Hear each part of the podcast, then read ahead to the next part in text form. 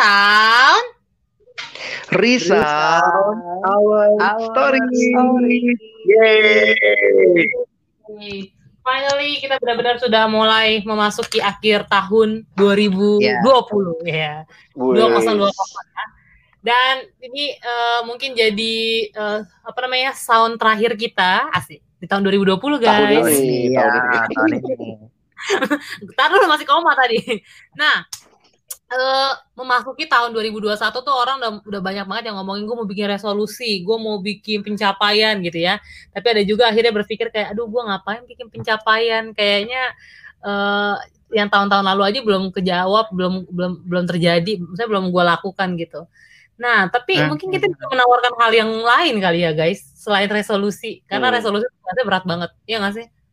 Iya, iya. Ah, betul. Kalau Banyak Kita banyak ini resolusi dibuat terus gagalnya di minggu kedua. Iya bener, ya, gue banget tuh Ng- nggak nyampe minggu kedua tapi udah gagal. Oh gitu ya. Iya, iya, iya. Betul. Tapi gimana Nah, dong? Mungkin kita, Teman-teman ngelihatnya. mungkin daripada kita ngomongin resolusi yang berat banget, yang akhirnya jadi kontennya sama dengan yang lain, asik. Mungkin kita Yes. bisa ngebahas tentang tentang apa ya? Tentang ya udahlah 2021 jalin aja dulu, gitu kali ya. Iya, Yeay. iya. Betul, betul. Biar kesannya tapi jalannya jangan cuma sekedar jalan, tapi jalan yang punya tujuan juga. Iya nggak sih Ah, kalau gimana? Coba Bagus, bang, kiat-kiatnya gimana bang? Jelasin malah langsung kiat-kiat.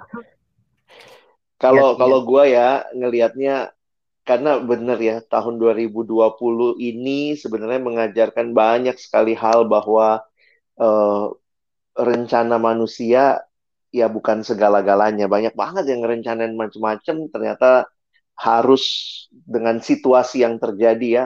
Akhirnya semua ditunda dulu lah atau ada yang sama sekali nggak jadi. Ernest mau bikin komik nggak jadi-jadi. Eh, kalau kalau gue jadi berpikir gini ya, bukan berarti aku menolak perencanaan, tapi gue setuju sama Novi tadi.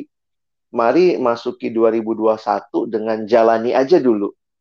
Di mana kita punya tujuan, tapi kita tidak ngoyo lalu mengatakan seolah-olah tujuan kita segala-galanya, tapi kita lewatin tuh. Nah, aku inget lah satu kalimat nanti sebelum eh, kita diskusi lah ya. Ada satu kalimat yang aku pernah eh, pelajari dalam retret sih, karena retret itu kan sebenarnya artinya mundur, menarik diri.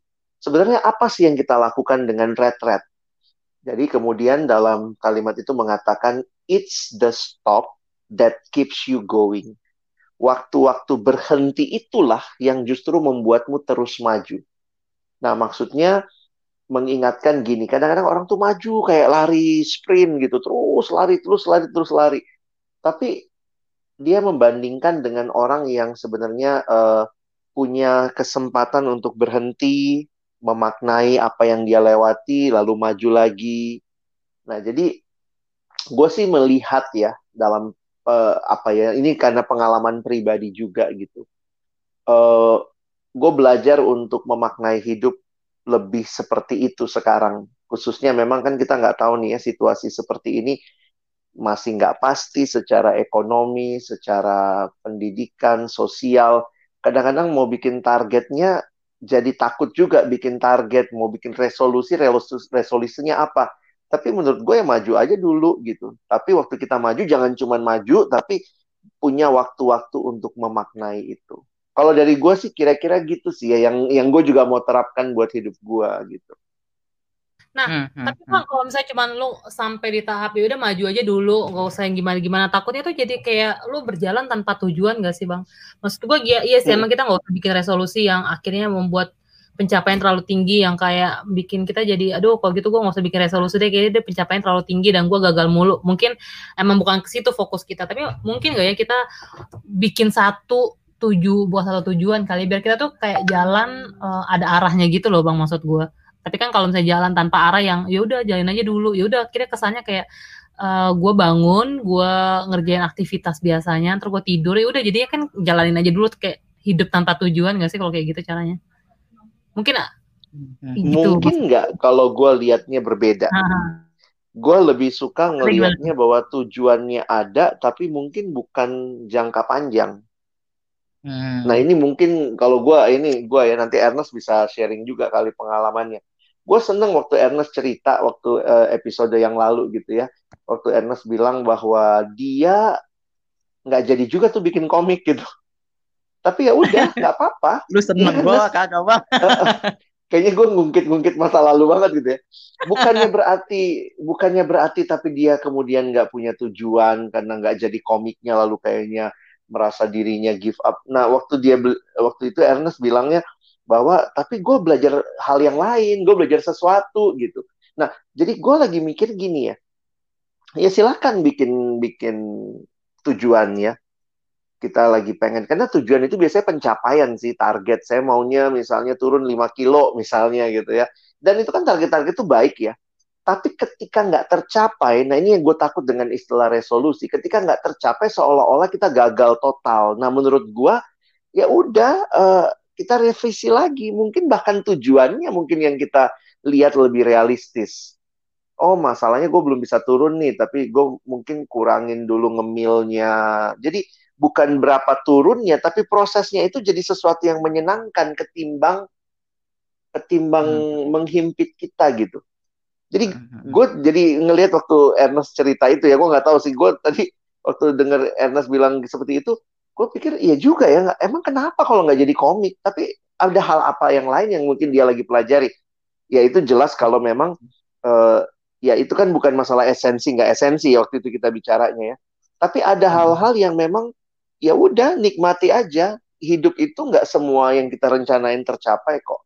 Kalau gue jadi jadi gini, gue jujur aja jadi lebih realistis melihat hidup ketimbang optimis, tapi gue jadi hmm. tidak merasa diri gue jadi diri gue yang sesungguhnya. Hmm. Kalau gue gitu, Nas gimana Nas? Kalau gue tuh uh, waktu ngerenung-renung ya kadang-kadang ya di akhir tahun terus ngeliatin kembang api, jadi makin sadar ya kayak kembang api kan ditembakin terus di uh, ke langit kayak gitu. Habis itu udah hmm. warnanya indah kayak gitu bagus, merah, biru, hijau kayak gitu dan lain sebagainya. Habis itu hilang. Sisanya bau misiu doang sama nginget-nginget oh warnanya ini dan lain sebagainya. Nah, kita hmm. makin sadar kadang-kadang tuh pergantian tahun kita tuh uh, waktu lagi tembakin kembang api tuh lagi ngerayain sebuah perayaan kefanaannya dunia kayak gitu. Betapa sementaranya hmm. dunia ini ya dunia ini tahun tahun 2020 misalnya nanti pindah 2021 ya tahun 2020 hmm. itu kayak kembang api itu kayak gitu. Ada habis itu hmm. hilang kayak gitu. Ada habis itu hilang dan itu sebentar doang berlalunya kayak gitu. Nah, jadi kadang-kadang gua uh, uh, emang rada nggak nggak mudah ya kayak kayak uh, masukin tahun 2021 dan lain sebagainya kita punya ekspektasi resolusi mimpi dan lain sebagainya. Memang betul kita perlu punya mimpi kayak gitu. Uh, dan memang Tuhan menciptakan kita kayak gitu untuk kemampuan itu kayak gitu kita iya. memiliki yeah. kemampuan itu untuk untuk menangkap ya atau kurang lebih menerka-nerka ke depan tuh masa depan akan ada apa dan kita coba merancang kayak gitu masa depannya seperti apa. Cuman mm -hmm. yang salah satu hal yang paling yang penting juga menurut gua adalah uh, selain mencapai bukan mencapai selain kita membuat dulu kayak gitu membuat targetnya atau membuat mimpinya adalah merancang langkah pertamanya kayak gitu hmm. nah itu yang yang yang menurut gue penting sih apakah nanti mencapai uh, mimpi itu atau enggak ya ya nanti lihat aja kayak gitu. Yang penting langkah pertamanya tuh yang yang udah harus dijalanin. Itu langkah pertamanya tuh yang udah harus ditapaki. Baru nanti abis itu lihat ke mana uh, jalan kehidupan kayak gitu ya. Memberi kita jalan kayak gitu. Kehidupan tuh mengarahkan uh, hidup kita. Karena kadang-kadang gue makin lama tuh makin sadar ya uh, kayak ada orang usaha keras banget tapi kayaknya hidupnya baru berubah tuh lama banget kayak gitu ada yang kayak ya elah cuman begini doang dia langsung berubah dan lain sebagainya nah itu siapa yang mm. ngatur kadang-kadang kayak gitu itu uh, bertanya kita bisa ngasih tips and trick kayak gitu ini uh, kiat hidup sukses kayak gitu apakah semua orang yang mengikuti kiat itu akan selalu pasti sukses. sukses. Uh. Nah, iya kayak gitu. Nah, itu yang yang uh, kadang-kadang tuh uh, ya benar kayak ada, ada kiat-kiatnya orang tuh harusnya kerja keras dan lain sebagainya. Nah, itu betul memang. Uh, tapi belum tentu setiap setiap orang kerja keras dapat hasil yang sama kayak gitu. Ntar kita mulai evaluasi lagi kayak gitu. Ini orang yang kerja keras tapi bodoh kayak gitu nih orang kerja keras tapi nggak nggak pinter nggak cerdas dan lain sebagainya. Nah itu kan hasil evaluasi kita kayak gitu mulai membuat penilaian-penilaian kayak gitu ya terhadap uh, hidup seseorang hmm. atau apa yang harus kita lakukan. Nah, padahal kita sendiri juga nggak tahu apa yang membuat dia gagal, apa yang membuat orang lain berhasil kayak ya. gitu. Nah, akhirnya kadang-kadang makin sadar itu tuh kuasa Tuhan kayak gitu. Tergantung kehidupan mau memberikan kekayaan kepada siapa, kemiskinan kepada siapa, popularitas kepada siapa kayak gitu. Uh. Walaupun memang bukan berarti kita berpangku tangan kayak gitu ya uh, menerima aja tapi yang kayak Novi bilang tuh yang ya udah let it flow aja nggak nggak seperti itu kayak gitu iya. tapi seberapa kerasnya pun kita usaha kalau kalau Tuhan nggak mengizinkan atau kehidupan nggak memberikan ya kita nggak dapet gue inget banget tuh salah satu contohnya nih ya kayak kayak salah satu penulis besar tuh mungkin kita uh, pernah tahu juga ceritanya jika Rowling kayak gitu jika hmm. Rowling itu tuh dia baru sekitar umur 40-an tuh dia baru terkenal. Tapi dia masukin tulisannya itu tuh udah dari lama kayak gitu hmm. dari dia umur hmm. 20 apa 30-an kayak gitu dan dia mengalami penolakan terus-menerus kayak gitu. Nah, sekarang pertanyaannya kan jadi bingung. Apakah eh, apakah si si J.K. Rowling ini waktu umur 20-an nih jelek kayak gitu terus tiba-tiba bagus di umur 40 kayak gitu atau atau kenapa dia waktu umur 20-an kok ditolak tulisannya tapi waktu hmm. umur 40-an tuh diterima dan lain sebagainya nah, nah itu hal-hal yang yang sulit untuk dijawab sama sama hanya sekedar kiat-kiat tips sukses atau kiat-kiat mencapai resolusi dan lain sebagainya. Nah itu sih. Jadi memang kita perlu punya sih yang namanya mimpi kayak gitu resolusi. Tapi uh, belajar yang menurut gue lebih penting adalah belajar bagaimana uh, dengan tangan terbuka kayak gitu ya uh, menerima apa hmm. yang kehidupan berikan. Karena pada akhirnya tuh uh, seperti yang bang Alex bilang lagi setiap saat kan kita punya punya hadiah-hadiah kayak gitu yang kalau kita nggak berhenti ya kalau kita nggak diam kita nggak nggak lihat tuh hadiah yang yang sudah diberikan kehidupan kepada kita. Kita selalu uh, ributnya hadiah apa yang belum gue punya. Yang belum punya padahal, iya. iya padahal ada hadiah yang yang udah diberikan tapi kita nggak nggak sadar kayak gitu. Karena kita nggak menginginkan hadiah itu. Padahal kalau direnung-renung lagi nggak semua punya hadiah yang kehidupan berikan kepada kehidupan kita nah itu sih menurut gue ya uh, butuh sih hmm. waktu yang tadi bang Alex bilang tuh untuk hitung hadiah yang udah di, di diberikan. Sekalipun tetaplah gue tetap uh, nggak bisa menutup kemungkinan ada orang yang hidupnya susah bener ada bener kayak gitu susah. Tapi e, menurut gua kehidupan nggak nggak sekeras itu juga kok nggak sejahat itu juga sampai akhirnya nggak memberikan hadiah apa pun kayak gitu e, buat kita kayak gitu. Nah itu sih yang menurut gua ya kayak gitu. Gitu gua ngelihatnya ya untuk untuk tahun baru ya memasuki uh, tahun hmm. baru. Langkah pertama penting kayak gitu. Dan juga uh, apa tuh namanya sama sama kayak uh, berdiam diri kayak gitu. Menghitung, menghitung hadiah penting kayak gitu. Perayaan lah sebuah perayaan. Ya, hmm. ya hadiah itu kan sementara juga ya ya dirayakan aja sama kayak kita merayakan tahun baru sebenarnya kita rayain tahun baru atau merayakan lewatnya 2020 sih gue juga kadang-kadang Ya. Padahal kan setiap hari juga baru ya. Harusnya kita iya. merayakan ya. setiap hari ya. Sebenarnya logikanya begitu ya. Hmm, harusnya hmm, hmm. betul betul betul betul nah itu sih jangan jadi kadang-kadang ngelihat ngelihat uh, kehidupan tuh kayak uh, nanti nih masuk masuk 2021 nih kayak gitu. Hmm. uh, punya resolusi nih kayak gitu. Langkah pertama apa nih yang bisa yang jangan yang gede maksud gue ya langkah yang kecil sih hmm. kayak gitu. Dan karena langkah kecil itu nggak tahu sih ya nanti uh, akan membawa ke mana gitu ya langkah step awal hmm. yang tadi Bang Alex bilang. Tunggu apa tunggu perjalanan ya tunggu tunggu prosesnya. Jangan prosesnya iya mm -mm, karena hasilnya kadang-kadang bisa beda dari apa yang kita bayangkan. Udah sering banget tuh orang aku nggak pernah menyangka akan jadi seperti ini dan lain sebagainya. Orang ngomongnya youtuber youtuber youtuber yang tiba-tiba iya, viral gitu. Iya padahal cuma goyang iya. Mereka ngambil langkahnya itu itu salah satu hal yang menurut gua uh, penting lah ya kayak gitu. Jadi ya nikmati aja sih menurut gua hidup ya kayak gitu. Uh, uh, di, uh, hidup di momen yang sekarang kalau ada hmm. orang yang mau punya mimpi oh gue pengen kaya kayak gitu it's okay nggak apa-apa selalu mau menikmati hidup gue juga apa-apa kayak gitu bekerja keras dulu sampai sampai berpeluh-peluh baru nanti uh, pada akhirnya apa sih yang didapat? Kayak gitu. Di dalam dunia ini kayak gitu hidup cukup makan makan cukup kayak gitu itu cukup ya. Maksudnya kadang-kadang ya kayak kita khawatir nanti khawatir uh, abis itu kita sedih nanti kita bangkit lagi kayak gitu. Dari dari kesedihan kita dari kekhawatiran kita kayak gitu. Setelah kekhawatirannya kesedihannya uh, hilang. Kayak beberapa waktu lalu kan bang Alex bilang uh, ketakutannya adalah uh, orang tua kayak gitu yang uh, meninggal kayak gitu. Di dipanggil sama Tuhan. Akhirnya dipanggil tapi apakah bang Alex uh, abis itu ikut dipanggil juga kayak gitu ya enggak kan kayak gitu tapi bang Alex uh, belajar untuk menerima kayak gitu terus juga belajar percaya kepada Allah yang baik dan akhirnya tetap berjalan kayak gitu kehidupan Bang Alex sampai sekarang kayak gitu. Nah itu itu apa ya? Mungkin itu yang perlu dipersiapkan ya ke di 2021 hmm. uh, sikap menerima apa yang nanti kehidupan akan buat kayak gitu ya. Nah itu. Gue kalau gue bisa lihat ini kan ya menjalani tahun baru atau enggak menjalani tahun-tahun ke depan, hari-hari ke depan tuh kita boleh berharap tapi ekspektasinya jangan terlalu tinggi gitu loh maksud gue.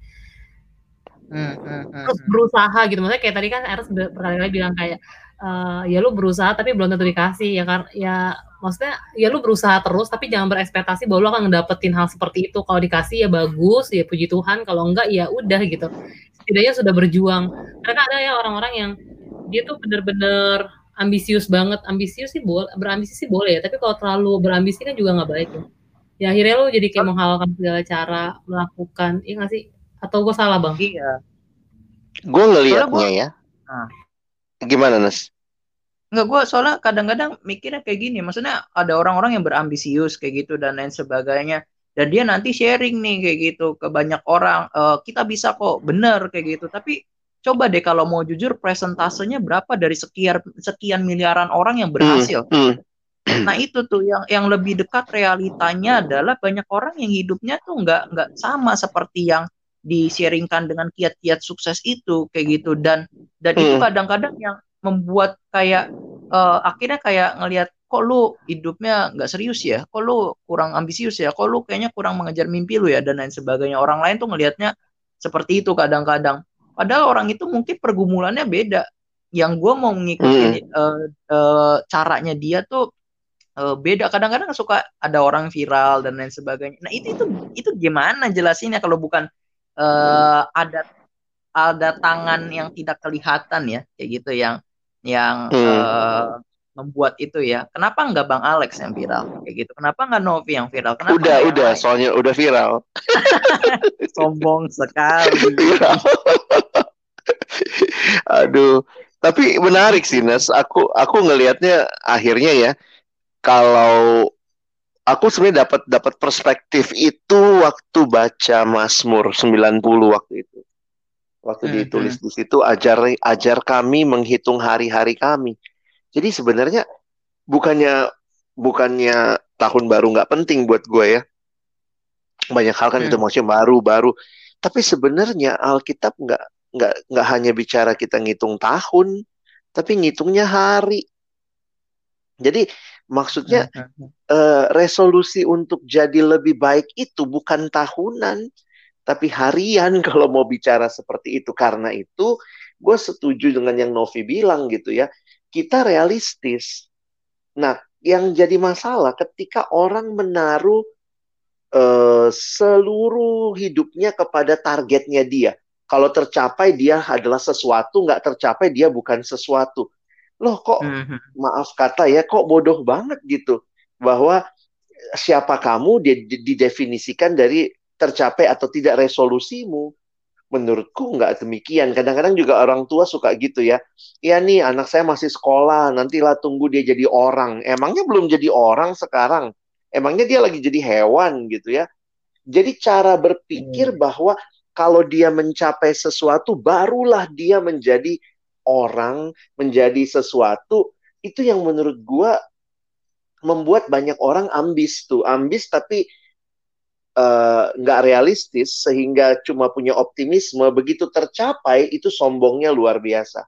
Seperti yang Ernest hmm. bilang dia bisa cerita sama semua orang nih saya bisa nih. Tapi begitu dia gagal itu hancurnya bisa luar biasa juga. Karena dia naruh harga dirinya, dia naruh seluruh hidupnya hanya kepada resolusinya tercapai apa enggak. Nah, gue gue ingin kita tuh bener yang kayak Ernest bilang ya, stop dulu, lihat lagi tangan Tuhan. Maaf lah ya kalau kita kok yang bicara Tuhan, karena hidup kita itu nggak lepas dari Tuhan menyertai. Kalau lu dapet, yang Novi bilang, kalau dapet puji Tuhan. Kalau nggak dapet, belum waktunya Tuhan. Kenapa emang? Hanya karena hmm. saya nggak tercapai resolusinya saya mesti keluar dari dunia ini saya harus bunuh diri jadi kadang-kadang hmm. gue jadi ngelihat bahwa uh, eh, gue pingin langkah-langkah hidup kita itu sorry ya mungkin kita pakai istilah jalanin aja tapi bukan berarti nggak ada tujuan tapi ketika kita jalanin tujuannya adalah becoming a better uh, you in Christ lah ya Tuhan mau hmm. kamu jadi lebih mengasihi Tuhan. Kalau gue cuma dua mimpi gue lah, makin mengasihi Tuhan, makin mengasihi sesama. Jadi sebenarnya aku becoming a better Alex kalau saya makin mengasihi Tuhan, makin mengasihi sesama. Bukan masalah tercapai targetnya uh, secara ambisnya apa.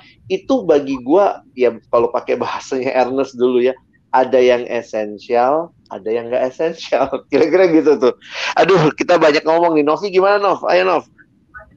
Ya, kalau gue akhirnya sependapat sih sama kalian. Pokoknya intinya gue melihat bahwa menjalani hidup tuh harus realistis, tapi bukan berarti lu tidak punya tujuan dan apa ya fokusnya tuh uh, kalau misalnya jadi ini sih jangan bilang kayak kalau misalnya gue nggak bisa dapet berarti gue bodoh atau gue gua orang gagal hmm. tapi belum waktunya aja gitu selama lo ngelakuin itu dengan baik ya maksudnya uh, dengan maksimal masa lalu dapat nggak dapat itu balik lagi ke Tuhan ya ya ibarat kata tuh iya. kita sering ya manusia berencana Tuhan yang menentukan gitu jadi jangan gue akhirnya hmm. belajar tentang ini sih jangan berekspektasi terlalu tinggi. Ya lu boleh berharap, tapi jangan terlalu tinggi. Ya pengharapan itu sama Tuhan gitu. Maksudnya ya kalau saya gini loh, kalau lu berharap sama Tuhan, apa pun jawaban Tuhan lu harusnya terima. Kalau lu benar-benar bergantung dan berharap sama Tuhan ya. Karena kan hmm. uh, tapi kalau misalnya lu berharap dengan ekspektasi lu, berarti ketika nggak dapet ya lu akan kecewa itu sih gue ya, akhirnya gue jadi kayak gitu. Jadi ya jalanin aja dengan maksimal dengan dengan tujuan yang baik. Untuk lu semakin hari semakin baik. Masalah uh, mimpi lu dapat atau enggak selama sudah mengerjakan dengan baik gue rasa Tuhan tidak akan diam iya. dia akan tahu kapan waktu yang tepat untuk lu ngedapetin itu. Itu gitu aja sih. Jangan nyerah lah intinya. Benar-benar gitu. gue inget yang Ernest bilang itu ya apa uh, langkah pertama gitu gue boleh sharing dikit lah ya maksudnya pengalaman pengalaman langkah pertama, kadang gini ya, kalau kita cuma ambisius untuk mencapai sesuatu, jangan-jangan langkah-langkah yang kita buat juga tuh sebenarnya bukan sesuatu yang kita pengen, bukan sesuatu yang kita suka. Nah, saya ada orang-orang yang bilang gitu ya, ya gimana sih bang ya cara nambah follower di Instagram? Saya pikir banyak yang cuma mau followernya bertambah, tapi poinnya adalah lu ngasih konten apa? lu setia hmm. nggak membangun konten waktu nggak ada yang ngeliat lu berhenti atau lu tetap hmm. memberi konten nah gue pikir ya apa yang Novi lakukan setahun ini gitu ya ya pasti hmm. ngurusin media nggak gampang ya Novi ya apa yang oh, iya. lakukan juga gitu ya waktu waktu bikin konten kadang-kadang kita pikir hmm. Lihat gini ya ampun ini yang lihat kok dikit banget eh besok eh ngeliat banyak banget tapi menurut gue kadang-kadang gini uh, eh, gue jadi ingat ada kutipan begini ya. Gue posting sesuatu bukan sekadar nambah follower, tapi justru karena gue followernya Kristus, maka gue akan keep posting sesuatu yang menyaksikan apa yang gue alami sama Kristus. Dan kalau banyak yang suka, puji Tuhan, nggak ada yang suka urusan dia dong. Tapi yeah. I will keep posting gitu. Jadi kadang-kadang jadi orang tuh senengnya pokoknya gue mesti tambah berapa follower setiap bulan tapi kamu sendiri nggak langkah pertamanya nggak ada, kesetiaannya nggak punya, dan gue yakin sama Novi Tuhan juga pasti nggak tutup mata lah ketika kita melakukan bagian kita, ada yang Tuhan akan berikan walaupun belum tentu sesuai dengan yang kita mau kan. Hmm. Nah, kira-kira gitu sih kalau gue lihat ya. Oke, okay, ya, kita ya. mengakhiri topik kita yang panjang ini. kalau nggak tahun baru. Bang Alex ya tahun baru. Biasanya ya. Silakan Bang kata-kata iya, iya. Kata terakhir. Jadi kata-kata kita kami sebagai tim Friend Sound sangat bersyukur sudah bersama-sama dengan teman-teman sekalian melewati 2020 dan ya kita juga banyak belajar ya dari satu sama lain melalui podcast ini dan juga belajar dari teman-teman yang sharing, yang tanya dan itu yang berbagi itu membuat kita juga jadi lebih lebih semangat lah untuk melayani Tuhan ke depan. Jadi kita akan hmm. masuk ke tahun 2021 ya jalani aja. Kita iya. realistis, yeah. tapi kita punya pengharapan karena kita ada dalam Tuhan. Jadi selamat tahun baru teman-teman sekalian, selamat tahun baru Novi, Ernest, tahun baru bang. Semua, jadi ya, kita tetap nah. ada kan tahun depan ya, yakin ya? Masih, ya, coba jalanin aja dulu. Oke, okay, jalanin aja dulu, jalanin aja dulu. Oke okay, deh, baik teman-teman, terima kasih banyak. Selamat Sampai ketemu lagi. Tuhan Yesus memberkati. Bye, selamat tahun baru. Tahun baru.